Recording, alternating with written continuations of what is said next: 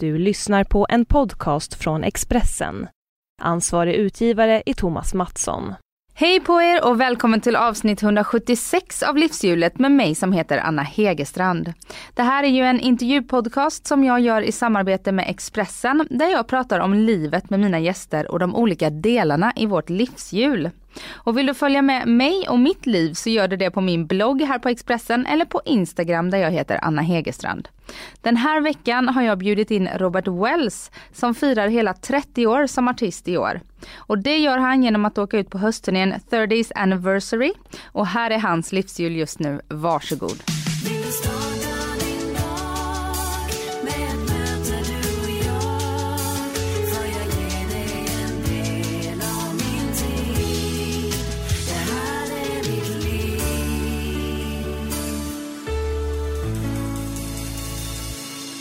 Välkommen till Livshjulet. Tackar. Hur mår du idag? Jag mår bra, tycker jag. Lite trött är jag, det ska jag ärligt säga, men eh, det beror på några nätter. Det, det är att vara musikant och så går in i studion, det går inte att sluta. Alltså det är inte att man kan stänga av när klockan är fem, utan då kör man.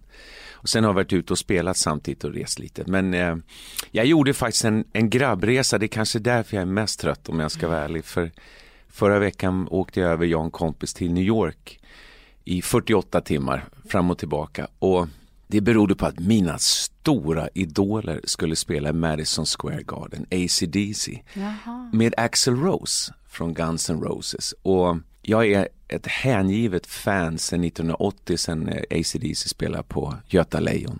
Så att det, och det var värt kan jag säga att åka över.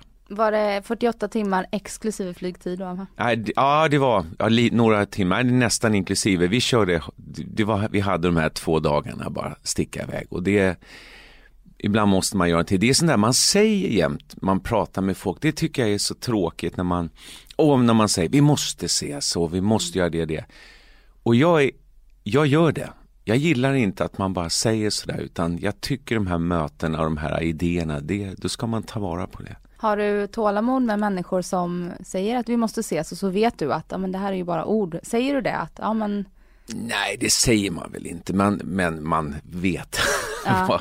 man vet ganska väl vilka man kan. Man vet, någonting som jag uppskattar det är när folk kommer i tid.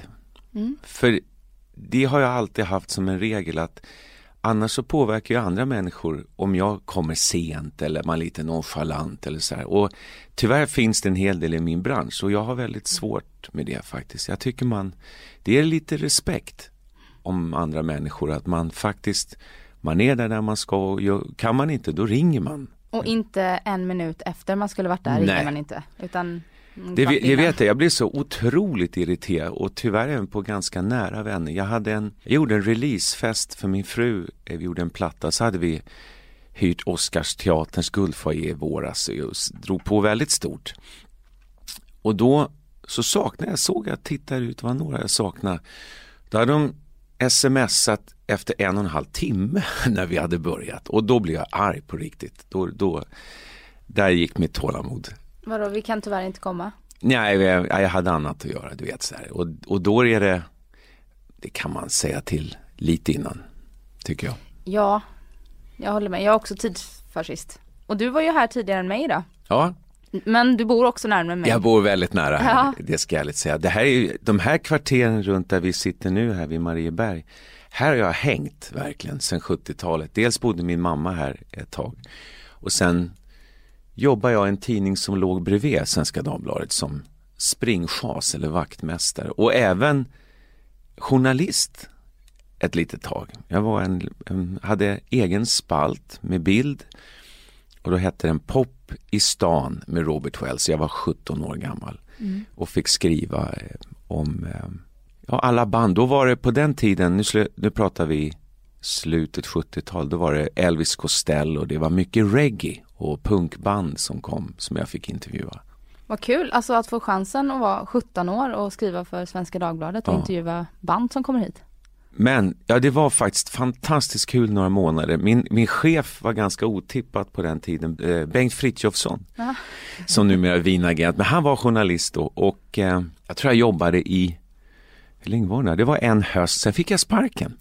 Jag åkte ut Och anledningen, den var faktiskt, eh, jag kunde förstå dem på något sätt, för de tyckte att jag var alldeles för positiv när jag skrev. De tyckte att jag borde vara mycket, mycket mer negativ. Och här har ju kärnan just att vara musiker eller att, eller att tycka. Och jag skapar hellre. Jag, jag kunde inte, jag vill ju, jag är en sån där som, om jag går på konsert, det är jättelätt att tycka att någonting är dåligt eller hitta fel. Men jag vill hitta det som är bra. Om, för jag vet att de här då som jag träffade när jag var 17 år, då vet jag att redan då att de som står på scen, de är ju hjältar. De satsar ju livet liksom för att repetera och fixa. Och ja, Det är inte alltid det låter 100% jättebra, men som sagt, jag skapar hellre. Mm. Och jag tror att jag haft väldigt glädje av att, vara, att få känna av den här trycksvärtan i och med att nästan hela min släkt är journalister och har varit journalister och redaktörer. Och fått jobba dels som vaktmästare och sen skrivit själv. Det gör att man, jag tror att jag har lite lättare att ta, jag menar jag får ju, jag kan få hemsk kritik. Det, är sån här, det brukar pendla från ja, uselt till världsklass och det kan vara samma konsert olika tidningar. Och om man förstår och inse lite att det här är ju, det är subjektiva tankar och jag tycker ju om det där. Det låter ju helt masochistiskt men det är så att jag, jag är, man måste få tycka och tycker ingenting om det man gör. Det vore ju hemskt om ingen skulle komma, ja, att, att man inte berör med det man skapar, då är det riktigt illa. Så att jag brukar säga hellre några tuffa ord än inga ord alls. Och där är det, det, där har jag faktiskt haft som en, en grej när jag pratar med unga musikanter, att var inte rädd för det där. För många är rädda för kritik, de är jätteskrämda om de ska stå inför en jury eller om det är det där. Det hör ju till saken. Och är man för rädd för det, då ska man inte hålla på och lira och åka ut och spela. Då, då, kan man stå i en källarlokal istället och göra något. Om man är, om man är för, för inne i sin comfort zone, utan du måste ju våga ut. På tal om comfort zone, Eh, du var ju iväg med Rhapsody in Rock. Jajamän. Där är ju verkligen att vara i sin comfort zone. Ja, på, på ett sätt, fast vi gör dem ju så olika. Och för mig är det här med Rhapsody in Rock, ja det är en stor konsert, men egentligen inte för mig. För det här är någonting som jag har hållit på med, jag är 54 år nu, jag har 54 och ett halvt. Mm. Eh, men sen jag var 16 så är, är ju min tanke med musik att, ja, att som musikant inskränka sig till en stil, det skulle jag aldrig kunna. Utan Rhapsody för mig, det är precis som namnet. Rhapsody betyder fragment. Och det är det jag gör. Jag gör jazz, funk, soul, eh, bebop, klassiskt. Alltså jag älskar verkligen att spela. Och det är det som jag gör med Rhapsody. Vi blandar ju allt, verkligen. Och så när jag går på konsert, då vill jag gärna se sånt själv. Jag gillar inte när man ser en artist göra samma grej i två timmar eller två och en halv timme, förutom ACDC. Ja. det är en helt det funkar. Annan. Ja, det funkar. Um, men ja, för mig är Rhapsody-konsert, det kan vara med trio. Eller att man sitter själv och lirar i en kyrka eller gör någonting. Så det har inte... Nej, men, men namnet Rhapsody in Rock har ju blivit väldigt populärt. Ja men det, det, det och det namnet kom jag på mm. redan när jag var 16. Det är egentligen de som spelar kan nog in lista ut att det är en ordlek på Rhapsody in Blue, en gammal pianokonsert. Och jag ville egentligen, jag ville bara hitta ett namn på det, på det jag gör och det, jag tycker namnet speglar ganska väl det jag håller på med. Vad är det som har gjort att så många vill se det år efter år? Jag tror att de känner att när man går upp på scen då är det härligt. De kan se ögonen, du kan aldrig luras på scen, du, även hur fort du än spelar eller håller på eller spelar på piano så duktigt du kan. Man ser på en artists kroppsspråk, man ser i värme, från, känner det, du ser i ögonen om det är på riktigt. Mm. Och jag älskar ju att stå på scen. Jag, jag menar, jag hade den, förutom musikhögskolan, jag satt ju lika nära som du och jag står nu. Så, så var jag Charlie Norman nära i 14 år och den skolan, att sitta bredvid en entertainer och lära sig det här med lite mer med timing på scenen och, och jag kan inte säga att jag fullar men det blir bättre och bättre. Och den här grejen att gå upp på scen, jag aldrig någonsin ha någon förväntan på en publik. Det är mitt jobb och det är min lycka att när jag får gå upp på scen, då är det nu jäklar ska jag underhålla de som kommer. Um, och den, det här old time entertainment, det är någonting som, det är det jag växt upp med. Jag har ärligt svårt, jag har ordentligt svårt för mycket av när man ser lite unga underhållare då, när det blir attityder, du gömmer bakom en image, du är lite tuff och svär på scen och, och då känner jag, då ser jag bara en rädsla, därför då vågar de inte vara dig själv. Jag skulle ju aldrig skriva ett mellansnack innan eller låta någon annan skriva ens ord det jag säger på scen utan det måste komma från hjärtat. Det måste vara, när du är på scen då är du där och då precis i det ögonblicket, det är då du skapar. Mm. Jag, jag kommer ihåg, eh, nu ska jag inte nämna några namn, men eh, några kompisar till mig hade ett band och de blev eh, ganska stora. Och han, den ena killen, eh, han gjorde en grej av att spela med ryggen mot publiken. Okej. Okay. Och det tycker jag är lite så konstigt att gå upp och spela med ryggen mot publiken. Det kan man väl kanske säga. Det är lite säga. drygt. Det, det fanns en jazztrumpetare. Nej, men han kanske hade kollat in Miles Davis. Han var ju känd för att stå lite så. Ja. Att det var en, en grej. Men ja, det är så väldigt, väldigt långt för mig. Och jag, jag sänker hellre garden och att man kan faktiskt jag tror att huvudsyftet med Rhapsody för mig det är att man måste kunna bjuda på hårdrock och i nästa sekund så kör du Mozart eller Chopin.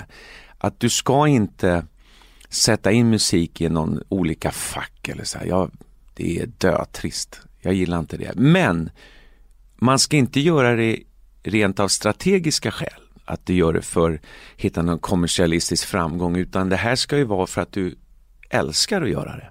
Och jag tror ju, när jag har ju skrivit, jag tror det är, ja, det är nio pianokonserter i namnet Rhapsody. Det är med klassiska element och så vidare. De tar ju att göra klart flera, flera månader att varenda stycke av det. Men själva grundteman, själva huvudidén, kommer inte den naturligt, ja då blir det inget. Jag skulle aldrig kunna sätta mig ner och bara skriva och det är många som kan, jag beundrar verkligen dem. Jag är nog lite för mycket musikanter, att man det sker på scenen, det sker på soundcheck, det, man får en idé, en turnébuss och så vidare. Men att sätta sig ner 9 till 5 och skriva låtar, det skulle jag aldrig fixa. Nej. Men ändå, du är ju väldigt kommersiell. Jo, det kan man ju. Det går, ja. Du är väldigt gångbar kommersiellt. Jo, men jag, jag, tror att vi har byggt upp, jag har ju inga, om du tänker efter, jag har inga hits. Det, vi spelas nästan mm. aldrig på radio utan jag har ju turnerat som en liten iller för att hamna där jag är idag. Och jag vill ju visa att musiken är så stark och går upp på scen, du sätter inte framför musiken, du förmedlar, du underhåller i en så här all time entertainment anda då, som jag sa tidigare. Då ska det funka. Och jag menar det är berg och dalbana, jag har ju varit med det kör jag även med mina eh, pianoelever som jag är mentor till. Jag säger det spelar ingen roll var du spelar.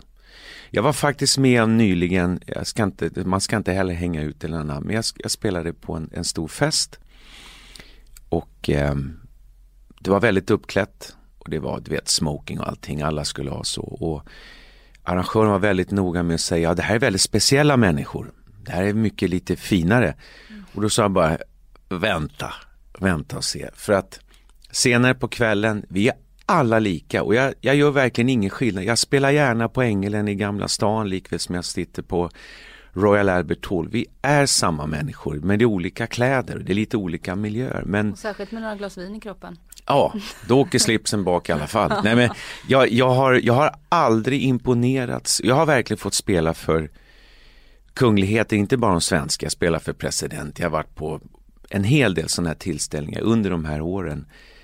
Och eh, jag blir imponerad av en duktig musiker. Mm. Då går jag i mål. Då är jag men i övrigt, eh, det kanske är, det kan vara det här att innan jag fick ett namn själv, jag var ju kompmusiker eller komphund då under många år. Där jag minns när vi spelade bakom Lill-Babs och så kom vi musiker före artisten. Och arrangören var nästan oförskämd mot oss och behandlade oss som små hundar och du vet. Och så kom artisten och då var det fjäsk och det var ryggklining och det där har jag ju sett själv och varit med om det. Vilket gör att jag är jättenoga när vi turnerar att det finns ingen skillnad. Och nu när vi hade Michael Bolton i somras som gäst hos mig, då han blev väldigt förvånad för vi var, vi var verkligen ett gäng. Han sa det här är, så här turnerar vi inte i Staterna. Utan sitter man och käkar då bjuder man in chaufförer. Man håller inte på och gör skillnad på ett artistbord eller musikantbord. Det, då får du ingen bra show. Hur kommer det sig att han gästade? Jag har, jag har jobbat en hel del i Ryssland senaste två åren i, och det visar sig att hans ryska manager min, det var samma kille. Mm -hmm. Så vi satt i januari, satt jag och managern i Moskva och satt och pratade. Du, jag söker ett namn, vi ska göra några få konserter. Ja, men jag har jättebra förslag, jag ska ut med Michael nu och spela. Så träffades vi i London när Bolton var där. Och eh, han älskar Sverige, han jobbar mycket med Max Martin och flera. Så vi satt och pratade och började garva direkt. Så att eh, han var ju en, och är en, förutom att han är artist, men han är en musikant. Mm. Så han var ju till och med uppe och jamma med oss på sista giggen och spelade gitarr och hade väldigt kul. Mm. Du, du sa att det var din ryska manager, hur många managers? Nej, jag har, jag, det är han och en i Kina, sen kör jag allt själv.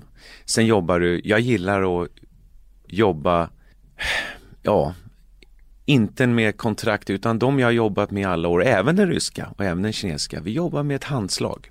Kan du inte lita på människa utan ett papper som är påskrivet, då är det ingenting. Hur väljer du ut dem då, eller hur kommer du i kontakt med de här människorna? I, I, fråga om den kinesiska så är det ganska kul för jag bad inte om att komma dit. Jag har ju varit där nu 55 gånger i Kina på 16 år. Oj.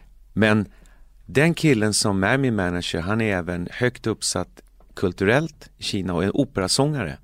Han jobbade på Göteborgsoperan och passerade en konsert i Marstrand och köper, då var det VHS, det var inte ens DVD.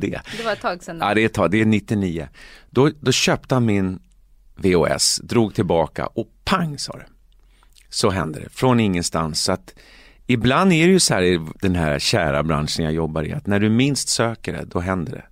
Så att det är, är tillfälligheter och sen det magiska ordet som man behöver i underhållningsbranschen, det är att, att det är timing. Mm. Och då tänker jag Ryssland och Kina, det är ju två jätte, jättestora länder med många människor. Är du känd där då? Folk vet vad Mer i Kina än i Ryssland, men det beror ju på att i Kina har jag fått göra, jag var involverad i OS till och med 2008 och skrev musik till det och gjort de största tv-galorna. Vi gjorde bland annat en gigantisk gala i London med brittiska artister och kinesiska. Då flög de över fem ton utrustning och så gjorde de en, en show som har gått Ja, det är över 50 gånger primetime i, i Kina. Så att vi har, eh, det har gått bra. Plus min pianoskola då som jag jobbar med, Wells Academy, den öppnar nu i Kina. Mm -hmm. Så vi kommer att ha ett stort samarbete och kunna skicka ungdomar, det är en liten, eller liten stad, den är över tre miljoner, men eh, jag ska inte ge mig på ut, uttala namn, men det är utanför Shanghai, ja. där de har universitet. Då ska vi hålla på att byta studenter. Ah, Så svenskar får åka dit och kinesiska pianister hit. Och jag tror att nu verkligen, om man kan säga så själv, så behövs man där borta. Därför att nu börjar de förstå att det räcker inte med att spela tekniskt eller att spela bara efter noter. Nu måste du lära dig improvisera. Och det har jag fått frågor även från lärare där borta, att de vill hitta den här ytterligare delen till musiken där du släpper noter, där du kan improvisera. Och det, det tror jag är jätteviktigt. Mm. För att det är ju så här, i en, en klassiska musikvärlden, i en fantastisk värld, jag älskar musiken, jag har spelat det sedan jag var sju år. Jag tycker lite synd när man utbildar många pianister att bara lära sig efter noter. Men det gjorde inte alla mina barndomsidoler, Beethoven och Chopin och Mozart, de kunde ju improvisera. De behövde ju inte noterna. Och det, om du ska gå in i ett instrument så tycker jag det är nästan ens skyldighet att man lär sig. Om jag säger till en ung människa, spela någonting, då vill inte jag få frågan, vilket stycke ska jag spela? Nej, spela, jag vill höra dig. Spela något, spela något ur hjärtat, någonting, eller om du har skrivit något själv. Och det är dit jag vill komma. Mm. Och då undrar jag, för jag vet ju att du har tjänat ganska mycket pengar under dina 30 år som artist. Mm. Det firar du i år. Ja, jajamän. Ja. Och, det, och det är Lill-Babs förtjänst. Det är faktiskt, hon bjöd in mig att vara kapellmästare i en tv-show. Och så var jag lite kaxig så sa jag, då ska jag ha ett solonummer i varje program. Och fick det. Det var mer ett skämt. Och sen, och nu pratar vi 1986 och då fanns det bara två tv-kanaler så att, ja, det gav avtryck. Ja. Och, ja, och de här pengarna. Du gillar inte att prata pengar så mycket vet jag också. Jag kan säga att jag, har, jag är helt, helt ointresserad och det där är faktiskt jag har gått i den hårda skolan, för 1985 när jag var kompund fortfarande åkte med ett band som hette Stockholm Allstars, där bland annat Little Mike Watson och Johan Stengård ingick. Deras ekonomiska kille frågade mig om jag ville ha hjälp och sa jag kan absolut ingenting, kör. Då var han så smart att han redan från den tiden när man knappt tjänade någonting alls tog in pengar och lärde att vara sparsam. Att inte hålla på och slösa pengar eller hålla på och köpa lyxprylar utan och det var ju väldigt tur för att han har ju lärt mig då att spara undan så att när vi gör Rhapsody det är ju jag själv som satsar. Går vi back då pröjsar jag. Så jag skulle ju aldrig någonsin sätta någon människa på pottan och speciellt gäller ju mina musiker. Jag har ju blivit lurad många gånger under åren av arrangörer som bara det här landet tyvärr, är, det är en grej som irriterar mig våldsamt. Det är att det är så lätt att gå i konkurs och sen starta om och det är väldigt vanligt i min bransch. Mm. Då händer det att jag får inga pengar men självklart så pröjsar jag ju de som jag har anställt. Mm. Och det är ju då den absolut största ekonomiska tryggheten att jag har möjlighet gå in och satsa och göra projekt. Mm. Som till exempel min frus platta, det var inget skivbolag som ville göra den. Då blev jag så förbannad så att jag sa, det gör ett eget skivbolag. Så startar jag det, drar in, vilket man aldrig gör numera, drar in en stor orkester i studio och stråkar bara för att det ska gå. Mm. Och det har jag möjlighet att göra tack vare att jag har haft de här det är samma ekonomiska som har ja, Björn Skifs och alla möjliga. Mm. Och det, det är en några av de artisterna de har haft tar ju hand och den här killen bara klippt kreditkort. så bara ja. rätt någon, om han tyckte att någon var för slösig. Och de pengarna du pratar om det är ju fuck off pengar. Hur menar du då? Fuck off pengar. Du behöver liksom inte, man kallar ju de pengarna Eh, att Säger man, man så? ha en fuck off buffert. Att du behöver inte vara kvar på ett jobb ifall du inte trivs där. Ja. För du har dina fuck off pengar. Fast det där låter så långt ifrån mig som människa överhuvudtaget. Det skulle jag aldrig ens säga. Utan jag skulle nog säga att det ger mig möjlighet att vara ärlig och rak med dem jag jobbar med mm. istället. Att jag har, och kunna ge, ja, ja men jo men det finns en lyx som jag har unnat mig och det är att vi har kunnat resa mycket med familjen. Och det har jag sett som oerhört viktigt. Jag hade kunnat varit mycket, mycket smartare genom åren när vi eh, hade de här fotbollsarena-turnéerna och, och gjort sparsammare. Men det är alltså, man får inte glömma bort att det jag håller på med nu idag, det är ju barndomsdrömmar och de första åtta åren när jag jobbade i Gamla stan på pubbar, jag tror inte det finns en centrumanläggning som jag inte har jobbat på i den här stan. Jag har stått utanför Hemköp, jag har stått, du vet, det var inga pengar. Men så det där kryper tillbaka, varför lirar man för? Jo, därför det är så fruktansvärt roligt. Och jag kan inte tänka mig någonting annat. Sen om jag sitter och lirar, jag kanske hamnar på en sån här kryss någonstans, sitter pianobaren, och fine, då är det okej okay för mig. Men att inte få lira, det vore det vet inte jag ens hur det skulle vara utan det, jag älskar ju verkligen att stå på scen och lira med mitt band. Jag har haft samma basist nu i 30 år, trummisen i 22 år så vi är ett, ett gäng, vi har samma roadies, vi har och jag, det är en det är viktigare än all business i hela världen att du skapar en, en att du är en bra coach, att du lyckas entusiasmera artister, musikanter runt om. Jag har jobbat med över 90 artister några har ju inte varit då tidsfascister som vi pratar om utan det har ju varit lite si och så. Och det är inte många av dem som jag aldrig skulle ringa igen. Det finns några som inte betett sig så jättebra men eh, de flesta. Mm. Men jag vet att för dina pengar mm. så har du i alla fall köpt dig ett ställe i Florida. Ja, i Naples? Jajamän. Mm, det tycker jag var en bra investering. Ja, det, Florida är bäst. Ja, jag älskar Florida. Jag trodde inte jag skulle göra det. Det var en arrangör, en riktigt god finländsk polare, Raimo, som var Han hade en pub i Fagersta som vi brukar spela på. Och han och hans polare hade åkt till Naples och du måste åka med, du måste åka med och då, ja, ja, ja, ja. Och det tog honom fem år att övertyga mig att åka med. Till slut var det liksom, ja, jag åker väl då dit.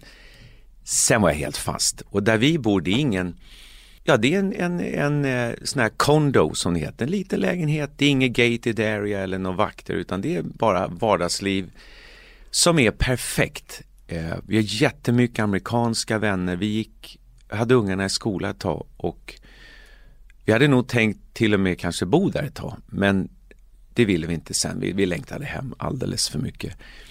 Men det är, det är väl som med allting att det är likadant med Falkenberg att där du har ett socialt härligt liv, där du har vännerna omkring dig, det är där du trivs. Just det. För ni har sommarställe i Falkenberg? Ja, och där har vi bott också ska jag ärligt säga. Så vi, det är nog mer än sommarställe, det är en ett otroligt viktig del av, av min och familjens liv att vara i Falkenberg och där har jag, självklart finns det, det är mycket musik där nere, mycket musiker, men de jag umgås med, det är ingen som lirar.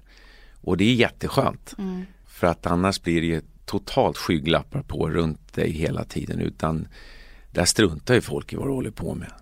Utan det är jätteskönt att ha, det har man väldigt nytta av för jag är så extremt ohändig. Ja, så, så att jag, jag har snickarpolare där nere, det är väldigt bra. Ja det är, det är de bästa. Ja, de är, det är, det är skönt. Ja.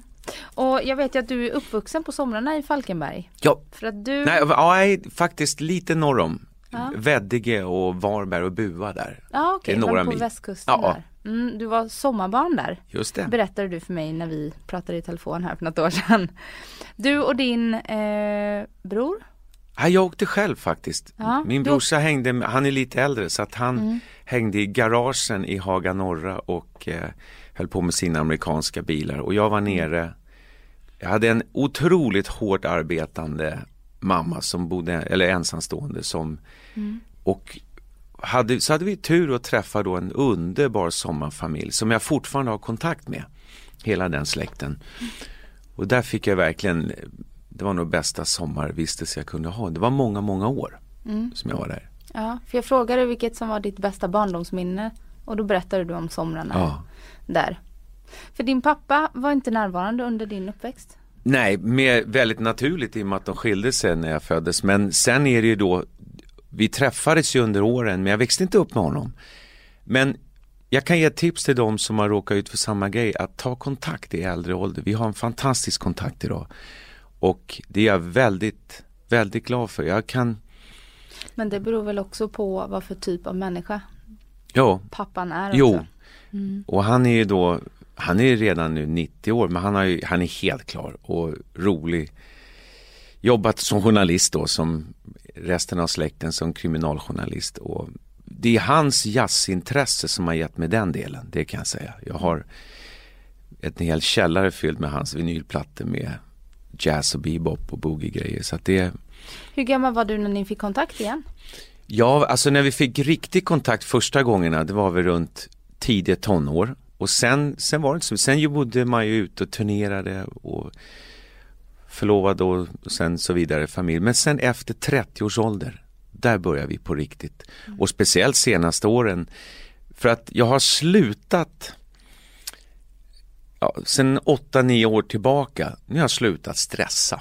Och, Oj, gud vad skönt. Ja, jag, har, jag tog ett beslut att det finns ingen anledning, jag älskar att spela men jag har haft kollegor som har gått in i väggen och fastnat i den här äh, tragiska honungsfällan som många gör i min bransch. Att man stirrar sig blind på framgång och allt det här. Utan man ska ta vara på familjen mer. Och jag fick sådana varningar av äldre kollegor som ångrar jättedjupt att de just turnerar bort de här äh, barndomsåren. Och för oss har det varit jag har haft tur då att min fru Maria sjunger så att vi har kunnat turnera ihop men med barnen. Så att de har ju Ja, de har turnerat ungarna med ja, oss. De är uppvuxna on the road. Ja, och nu i somras, det var nog då var det nära tårarna på scen kan jag säga. För då var faktiskt min stora son Oscar var med på scenen och dansade. Så nu är han dance captain och han börjar ju dansa tack vare att eh, koreografen Roine Söderlund satte ihop en underbar dansensemble med mycket, mycket duktiga tjejer. Och jag hade ju hoppats såklart att Oskar skulle bli pianist. Mm. Men han stod och blev kär i dansarna och började göra moves redan när han var fem år. Ja. Så nu har han dansat i 15 år och var med på scenen. Alltså han är dansare? Han är riktig dansare. Mm. Och din andra son har inte heller gått i pappas fotspår? Nej, det är data. Det är mycket, han kan spela trummor och gitarr men jag tror att computervärlden, det är, det är hans grej. Ja. Men det jag undrar var, eh, när, när du och din pappa fick kontakt igen, ja. gjorde du upp med, med det här, eh, har du varit besviken på honom? Nej, för att hade man varit kanske 15 år när de skildes eller sådär, mm. då vet man, men jag vet ju inget annat. Nej. Jag är ganska glad att jag var nyfödd för jag kan inte relatera, jag vet inte alls den grejen. Det enda man kan relatera i det är ju att ja, jag kanske mer har varit noga om den här att känna av kärnfamiljen, låta mina barn känna det. Det är kanske omedvetet ja. val. Um, men ja, jag tror inte på det här att vara bitter eller tycka eller negativ. Och jag, alltså, mycket av det man gör idag, det är klart det speglas när man var barn. Det är ju som mitt jobb. Det är ju barndomsgrejer och, ja. Och mycket av det som man växer upp med eh, jag bodde mycket hos min mormor när jag var väldigt, väldigt liten just för att min mamma arbetade. Men då präglar det hoodsen utanför Solna, du vet. Det, mm. det är klart att det, mycket av det, det påverkar. Men man har ju ett val. Man kan aldrig skylla på någonting och, och säga det beror ju på det och det. Det beror bara på dig själv här och nu hur du vill göra. Man har det där valet faktiskt. Och det lättaste det är väl att, att så många människor tyvärr gör, det stöter man ju på när du blir martyr eller när du just tycker synd om dig själv. Det kan man väl göra någon gång men det är mycket negativt i det. Mm. Men du känns som en otroligt positiv människa. Var kommer det ifrån? Det är musiken, tror jag. Mm. Jag tror att jag har blivit otroligt stark i, i det tack vare mig. Och en av anledningarna till att jag sett hur hårt arbete lönar sig med min mamma framförallt. Och sen min pianofröken, min första som hon, det var så bra, hon tog tag i mig, vi satt många timmar efter lektionerna och pratade musik gick igenom och gav mig en disciplin, en självdisciplin som jag haft väldigt glädje av. Och det gäller, gäller allting. Jag tror att innan jag slutade stressa, då var det inte så bra. Faktiskt, då var det, jag var så fruktansvärt nära att gå in i väggen eh, 2002 så att då var det, då fick man börja fundera lite på vad saker och ting är värda. Ja, var det någon speciell händelse som tvingade ja, dig att sluta? Ja, det var faktiskt riktigt illa. Jag, jag, vi spelade på Ullevi första året med Rhapsody 2002. En, det var ju en sån här jättekonsert och lång. Efter konserten, jag var så starsatt så att mitt hjärta slog så fruktansvärt fort och jag började känna det började vimla runt ögonen och jag började, började nästan svartna. Min turnéledare, då stod jag, det var journalister som stod runt bakom scen och min turnéledare ser hur jag nästan ramlar omkull och drar in mig i en loge och lägger mig. Och jag känner jag måste ha någonting. Och jag dricker väldigt, väldigt lite sprit. Mm. Och får för mig att, ja men du, en stor whisky, det måste ju vara jättebra. Så han får in mig ett dricksglas whisky, jag hatar whisky för det första, jag, jag tycker inte om det. Och jag är dum i huvudet då för att spriten sätter ju ännu mer fart på hjärtat så att det var ju raketslag nästan. Um, till slut får vi tag i en, en kompis, en doktor då, som skriver ut sådana här betablockerare och hjärt eller in... Ja, Blodtrycksmedicin ja. Nej inte blodtryck, det var någon för att få ner pulsen. Ah, okay. Och det fick jag ta nog i ganska många veckor. Och eh, på den turnén 2002 var Jerry Williams med och han sa åt mig att du grabben, nu är det dags att börja träna. Nu måste du tänka till med eh, fysiken också. Inte bara sitta och spela och stressa runt utan man måste ta hand om sig själv. Och de där orden, det är inte bara han men det är den här nya trenden att du tränar mycket, den har jag fastnat för. Mm. Så att för ett och ett halvt år sedan då började jag kuta ordentligt. Och mm, nu får du, jag ska man inte säga sådana innan, men jag har anmält mig till New York Marathon 6 november. Oj, vad kul. Ja, så att jag brukar, runt studion där vi sitter nu, jag brukar kuta runt här runt Kungsholmen och grejer. Så att det där är ett bra sätt att lindra stress och så blir du ju stark i dig själv. Det kanske det är möjligt att endorfinerna ger den här positiva känslan men, men eh, du måste nog vara lite stark också om du ska åka runt och hålla på så här. Jag, är man, det är väl självklart att jag har dippar och allting och jag, jag minns när jag var som mest stressad när vi var, vi åkte från Naples, Florida upp till Orlando och skulle gå på Disneyland, Disney World. Mm. Så kom jag in med mina barn då som är sex och fyra år. Där kan ju hjärtat börja slå. Ja, men du, vi går in i en, en shop, en sån här Disney shop och så säger ungarna i kör Pappa, titta det är ju du! Då var det Butter. Och, den, och då kände jag bara okej, okay, pappa har turnerat lite mycket nu. Uh. För att när du kommit hem från turnéerna då är du ju inte speciellt trevlig först för du är ju så uppstressad och allting där. Och det är det där jag sen dess har försökt arbeta bort att det, det är ingen som ska bli lidande för att du har stressat själv. Det, det får inte vara så. Nej, och det är ju alltid de som man älskar mest som blir lidande. Ja. För det är de man vågar ta ut det på. Och, och framförallt det här som händer i småbarnsåren. Våra barn kommer ju väldigt tätt. Det är ju att det är ingen sömn. Nej, jo tack. Ja, du vet. Ja, ja precis. Och jag, jag minns när man var 20-årsåldern. Då vill man ju åka ut på turné för att partaja. När man fick barn vill man åka ut på turné för att få sova. det vill man ju inte erkänna hemma såklart. Nej. Nu kan jag säga det. Men det gällde nog alla mina musikanter. Vi fick nästan barn samtidigt och det var, det var lite annat prat i turnébussen då. Mm. Kan jag säga. Hur mycket har du sovit i natt? Ja, det vet ja, och så pratar man om ja. Bajs, mycket ja. bajs. Ja, och lite leksaker.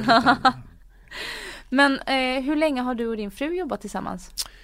Vi började jobba innan vi blev ett par faktiskt. Slutet 80-talet redan började vi jobba. En underbar sångerska och sen Det var så ni blev ett par genom ja, att ni jobbade ihop? Ja, och eh, växte ihop kan vi säga på ett, på det var ett skönt sätt och det tog det här var strax innan jag fyllde 30 och innan jag fyllde 30 det var liksom inte snack om att ha barn. Jag var odräglig. Nej men jag var inte, jag var ingen jättecharmig person på det sättet då för jag var så Det var jobb, spela, turnera, ingenting annat. Att någonting hände när jag fyllde 30 för då var längtan enormt stor plötsligt. Och det är väl den här biologiska då man känner att Och du träffade den personen som du ville? Aj, vi hade redan varit ihop ett tag då ah, okay. och, och sen Sen planerade vi inte men sen blev det. Och jag var 34 och hon var 31 när vi fick eh, första då Oscar. Mm. Eh, och det var ju, när var det, 1996 och det, det gav ju, det var ju fantastiskt såklart, som alla föräldrar säger, men det var ju det. När vi fick andra barnet, Teddy, då var Maria på turné själv med sitt, eh, sitt gäng, The Vocalettes. Och då var det inte lika eller det var traum, riktigt traumatiskt för att han kom för tidigt. Väldigt mycket för tidigt va? Ja det var tio veckor för tidigt var det och eh, mm. det var Då fick man verkligen känna på, då hade det ingen betydelse vem du var, vad du har jobbat med eller om du var offentlig person. Det var verkligen lika för alla. Det var så fruktansvärt att hamna på Karolinska som vi gjorde. Vi åkte ut efter en dag, det var fullt, alla stressade, vi hamnade den här lilla krabaten då med sonder och grejer fick åka ambulans till nästa sjukhus. Och det där, alltså jag var så arg. Jag, jag, skrek inte men det var inte långt ifrån. Jag var riktigt förbannad hur man behandlades. Varför åkte ni ut därifrån? Det var fullt. Det, fanns, det var köer och det fanns inte plats och alla stressade och personalen gick på knäna. Så jag tyckte som förlossningsvården nu. Ja, det, det, var, det var inte roligt att behöva se. Så att de märkte hur irriterad jag var. Men någonting gott kom av det här faktiskt och det var att efter fyra veckor, vi fick flytta hem ganska snabbt ändå, så ringde de mig och sa Ja det här är hemskt men så här har vi. Kan vi göra något tillsammans? Då startade stiftelsen Tummeliten. Just det. Ja, och sen dess har den pågått så jag samlar in en till två gånger per år så gör vi, det är allt ifrån ja, golftävlingar eller konserter eller vi gör annat för att spara in pengar. Det bästa som har... En, en pengar till för tidigt födda? Till avdelningarna. Mm. Prematur eller neonatalvården som det kallas. Mm. Och då är det alltifrån att föräldrarna som är kvar ska kunna ha möjlighet att det ska bli extra, det ska bli bättre på plats. Eh, ge vidareutbildning till sjuksystrar och så vidare och så vidare. Och det jag märker själv när man väl har drabbats då vill du göra, vara med. Annars så, det är där jag satsar 100% när det gäller välgörenhet eller charity då. Då är det där. Som relativt nyförlöst kvinna så eh, tycker jag det låter väldigt bra. Ja, och det, alltså det är ju en Det var fråga om sekunder för oss. Det var, det var hemskt. Vi var Hon hade fått lite känningar, Maria då, när vi var ner, hon var nere i Halmstad. Jag åker ner, ligger kvar några dagar på lasarettet där. Det är lugnt och sen ni kan åka upp till Stockholm. Vi åker in på rutinkontroll på Karolinska. Lugnt, ni kan åka hem. Vi hinner till McDonalds på Sankt Eriksplan. Då, då kommer en störtblödning. Mm. Så att jag har nog satt svenskt rekord från Sankt Eriksgatan till Karolinska med min bil där. Ja. Och som tur var hade jag tagit direktnumret så att de stod och väntade på oss. Men det var, det var så nära. Och det kunde gått även illa med min fru. Ja, ja Vilket det, det tyvärr då händer ibland. Eh, så att nej, det där var en, det, eh, det där fick en att se väldigt klarsynt på vissa saker. Mm. Ja, nej. Ehm, och Tumme, tumme liten ja. heter stiftelsen. Kan man ge pengar till den och sådär också? Absolut, det, det, är ett, och då är det sån här riktigt 90 postgiro, det vill säga det går inte massor med mellanhänder utan det är, äh, man går in på tummeliten. stiftelsen tummeliten.se mm. och det här är faktiskt involverat i en europeisk Ehm, foundation då som heter EFCNI. Så att jag och sångaren Jakob Samuel från The Poodles, vi gjorde en låt. Mm. Så när de klickar på den, då kommer det in pengar direkt. Och så vi var nere i Tyskland och gjorde en stor gala i München runt detta. Men då var det lite annorlunda, för i München fick de inga officiella personer att ställa upp som hade prematurbarn, för det ansågs inte riktigt sådär Vadå, är det inte fint nog att komma turbarn? Exakt. Och det är ganska skrämmande tycker jag. Mm. Det är ju jättemånga som har det. Eh, som har hamnat där. Och mm, peppa peppa nu är då, vår son har ju växt och är längst i familjen och det gick väldigt fort att komma in i kurvan men alla gör ju inte det. Nej. Det är ju faktiskt så. Mm. Det, där behövs det vård. Och du och din fru, ni gifte ju er i Naples. Jajamän. För, är det sex år sedan? Sex år sedan, nästan exakt. Och då hade ni varit ihop i 19 år? Ja. Så ni har varit ihop i 25 år då? Ja. Mm. Och jag vet ju att du, du trodde ju inte på äktenskap. Inte det minsta. Och det kom väl kanske från dina föräldrars skilsmässa eller? Det är så. Ja. Och inte bara det utan överhuvudtaget på min sida släkten då så är det otal skilsmässor. Väldigt, väldigt många. Och jag fick väl för mig att det där var ju inget bra. Det var inte alls bra och det är dåligt omen om man kanske att man skulle hamna i en sån här trygghetsfälla och att det skulle bara dröja några månader så skulle vi skilja oss. Men jag då som varit så totalt anti, nu pushar jag mina polare som inte är gifta. är det, en, det är en höjdare, om man kan säga på enkel svenska. Mm. Det måste jag säga. Det är eh, en situation vi råkade ut för. Vi skulle in till Florida när ungarna var små. Det var fortfarande amningstid på den minsta. Vi ska in i custom i New York. Man landar där, ska man vidare. Och vi fick inte gå in tillsammans för att då hette min fru sitt namn. Mm. Och barnen hette mina namn, så vi fick gå in. Så de säger till Maria, stand back lady. Så får hon backa och hon blir ju rasande och börjar skälla ut den här custom. Jag bara kände att det här blir inget bra, vi kommer inte in i landet nu. Alltså hon var riktigt förbannad, du vet amning, hormonstinn och det var amning, ja och trött och inte har sovit. Man vill bara att det ska flyta ja, liksom. Till slut var det liksom han höjde hans röst, Stenberg, så lutade han sig mot mig och så plirar han med ögonen. Are you gonna marry this lady? Yeah, good luck. så lite humor fanns det ändå. Var det hon som fick tjata sig till då en, en ring eller? Nej. Du kom på andra tankar av dig själv? Ja, det var, jag var inne eh, hos eh, butiken där på Hornsgatan, Eva Attlings där. Mm. Och så kom jag in och så kommer hon in samtidigt. Eh, så då letade vi ring. Då hade hon den bästa ringen och det är verkligen now or never står i våra ringar. Eh, så den köptes med. Sen, sen gjorde vi på, många planerar ju månader. För oss från planering till bröllop tog det nio dagar. Oj! Så ni förlovade er inte innan då? Ja det var vi redan. Ja, ni var Förlo förlovade var vi redan. Men vi kom ner till Naples och våra polare våra bästa vänner, hon hade bröllopsklänning och pappan där i huset är en av våra bästa vänner, han fick vara best man. Och jag, vi hade någon dröm, vi ska gifta oss på stranden. Så tog vi kontakt med ett hotell, då hade de de ceremonierna klara. Mm. Det var stråkkvartett. Alla våra vänner i Naples och våra svenskar också som var där, vi sa inte att det var bröllop utan vi bjöd in till brunch. Mm. Vi ville inte att det skulle bli sån host kring det här att det skulle ja, hållas på med presenter. Nej, det var inte därför, det här var ju för vår skull. Men vi ville ha en liten fest ändå. Mm. Så vi bjuder dit folk som, och likadant det här, vi vill inte ha några tidningar på plats. Jag har aldrig förstått när du säljer ut ditt bröllop eller födelsedagar. Det skulle aldrig ske i min värld, någonsin. Utan nej, det ville vi inte ha, utan det här var vårt. Så det blev en fantastisk fest.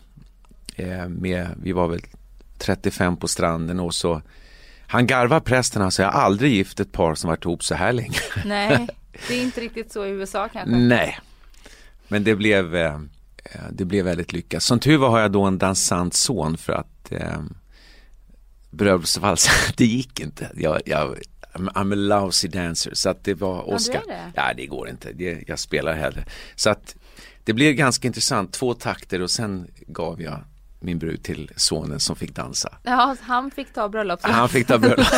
det är perfekt. Ja, det var väldigt bra. Ja. Och du ångrar inte, det var inget dåligt omen att gifta sig? Nej, jag, var, jag var ju nästan, jag måste nu säga, jag var lite, var lite dum. Jag sa, sa vid något tillfälle för många år sedan på skoj till någon journalist, ja, vinner AIK med 5-0 över Djurgården, då, ja. då ska vi gifta oss. Sen gör de det.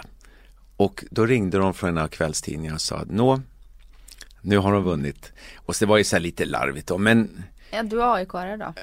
Det kan man säga. Det kan man säga. Jag är född tre kvarter från gamla Råsunda. Ja, det är Solna ja, såklart. Ja, ja. Det, det föds man till. Det, mm. det sitter i generna. Även om jag hejar faktiskt väldigt mycket på Falkenberg också i och med att vi är mycket där nere. Men det där är Men jag går, jag går väldigt sällan på de här idrottsevenemangen i Stockholm för jag, jag tycker lite Ja, lite svårt när, man, när det behöver vara så mycket poliser på plats. Jag tycker ja. inte, när går man i USA på hockey eller på konsert, det finns ju inte. Nej. Du behöver ju inte det. Det, det, är lite synd. Mm. Jag var mycket på hockey för min syster är gift med en hockeyspelare som spelade i AIK. Åh, oh, vilken fin! Ja. Så, så jag är också lite AIK-are eftersom ja. man har varit där. Fast jag är från Jönköping så för mig är det HV71. Ja det är klart. Ja. Jag, var, jag spelade faktiskt för en fest eh, för HV71. Det var någon sån här speciell kväll, några år sedan. Och eh, ja, det var ju ett jobb. Men på det jobbet så tyckte man att jag borde ha HV71 tröja. Då sa jag att mm då tackade jag nej. Och då var det okej okay att jag kom och spelade bara. Det är så att det händer inte. Du kom inte i AIK-tröjan i alla fall. Nej, det, det, jag, jag, har, jag retades med Elfsborg en gång. Vi, vi invigde Borås Arena och det var fullt på Borås Arena. Stor konsert med Jill Johnson och Magnus Carlsen, ma massor med. Jag kunde inte hålla mig så jag, det första jag säger när jag går in på scen, Tänk att en aik skulle fylla Elfsborgs arena. Det, oh. första. det, var, det var skönt buande på 11 000 pers där. Jaha, vad tur att poliserna fanns där kanske. Nej, de var, de var garvas. ja. Ehm, och eh, vi nämnde ju det innan att i år så fyll, eh, fyller du, höll på att säga, firar du 30 år som artist. Ja. Och ska ut på en turné. En, en liten sån här trio-turné. Nu gör man precis mm. tvärtom, för nu har vi gjort det stora redan. Nu ska vi precis på det här sättet. Det ska vara nära, nära intimt med trion och eh, med Maria där vi har möjlighet att göra, det blir väl någon, ja, en lite blandning av Victor Borge, Charlie Norman och Rhapsody och mycket anekdoter från de här 30 åren. Mm. Och när du tittar tillbaka på, på de här 30 åren, vad är liksom det starkaste minnet? Ja, att när man efter 1989, då har det gått tre år, men när man 1989 gör sin första Rhapsody-konsert och det kommer 80 betalande. Hade man varit normalt funtad, då hade man nog lagt ner. Och, och ni var typ 70-80 på scen? Ja, det var så. Och verkligen, och det var, men giget. Det var alltså, hade du inte så mycket pengar att investera då? Nej, kanske? men det, det, jag hade ändå kollat så att jag kunde betala. Det var ju symfoniorkester, Anders Berglund och allting. Då var jag turnéledare också, gjorde allting. Men för mig var det här mycket, mycket mer än en spelning. Det var, ska jag fortsätta turnera, ska jag fortsätta spela, då är det det här jag ska göra. Mm. Eller så gör jag något helt annat. Och du måste vara lite tokig, lite envis alltså, om du ska lyckas. Det, det går inte, även om det kan uppfattas som comfort zone, men det är så mycket jobb. Att det publiken ser, det är kanske 4-5% av det du lägger ner i tid egentligen. Mm. Och det nu, vi har pratat en del barn, jag kan säga att, att göra en turné, de här fem konserterna jag gjorde i somras med Michael Bolton och LaGaylia med flera det är en graviditet, det är nio månaders förberedelser att jobba med arrangemangen. Och egentligen, det är lika kul. När du sitter när riddarna runt runda bordet och verkligen skapar och du sitter med roddarna och ljuskillarna, det är jätteroligt. Mm. Men ett av de värsta trauman, det hände ju faktiskt på premiären i somras när i Falkenberg va? Ja, i Varbergs fästning. Ja, precis när vi står och lirar andra låten till, vad är det som händer? Typ varannan ton hördes, det försvann strömmen och kom tillbaka och försvann. Då hade de mätt fel på elskåpet. Så att strömmen gick. Det var dödstyst efter två låtar och då är det tur att man har turnerat ett tag och kan vara lite cool. Då var det en i publiken som tipsade en av teknikerna, men ser ni det hänger ett nytt elskåp på fästningen, eller ett gammalt elskåp på fästningen. Och på tio sekunder så var mina roadies framme och med kofot slog upp det här elskåpet och kunde byta ström. Så efter en kvart så var vi igång igen. Det var ganska långa minuter kan jag säga. Innan jag det förstår var, det. Det var, det var, så gick jag hem, det är också intressant att se, eh, sen gick jag hem och kollade mail. Då hade jag under den här kvarten fått tre mail folk som vill ha pengarna tillbaka för att strömmen gick. det, ja, det var ditt fel. Ja, det är verkligen mitt, mitt fel. ja, men det är skönt att du har slutat stressa då så att du inte blev så uppstressad. Nej, men det, det är alltså, hade det varit för 20 år sedan, jag hade dött fullständigt. Mm. Men det, det finns, det är ju faktiskt det här, det spelar ingen roll det som händer. Om du kan dra dig ur situationen på ett snyggt sätt.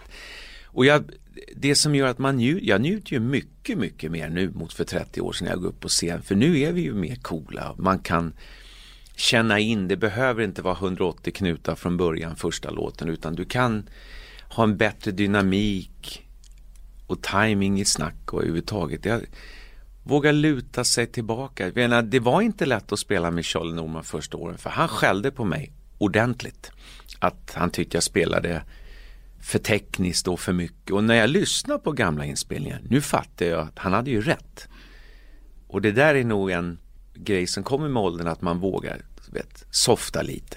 Ja, och han hade ju erfarenheten, du hade ju inte den. Nej, men jag fattade inte vad han sa då. Det var det som var grejen. Mm. Så att eh, mycket av det som han har lärde mig, det, det försöker jag ju förmedla till mina ungdomar. Jag har ju ett pianocamp varje år med 20 ungdomar. Eh, varav speciellt en kille, David Karbe från Kungälv, det är en som jag jobbar mycket med extra då som mentor. Och det är inte bara fingersättningar utan det är så mycket mer runt branschen som är viktigt. Att man ska inte vara rädd, precis som jag själv har gjort. Man ska rulla affischer själv, man ska ringa arrangörer själv.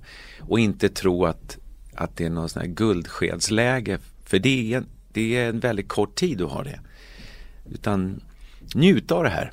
Njuta av branschen som den är. Tack så hemskt mycket för att du kom hit och gästade mig. Det var fina ord att avsluta med. Tack så jag. mycket. Tack. Ja, ha det bra. Detsamma. Hej.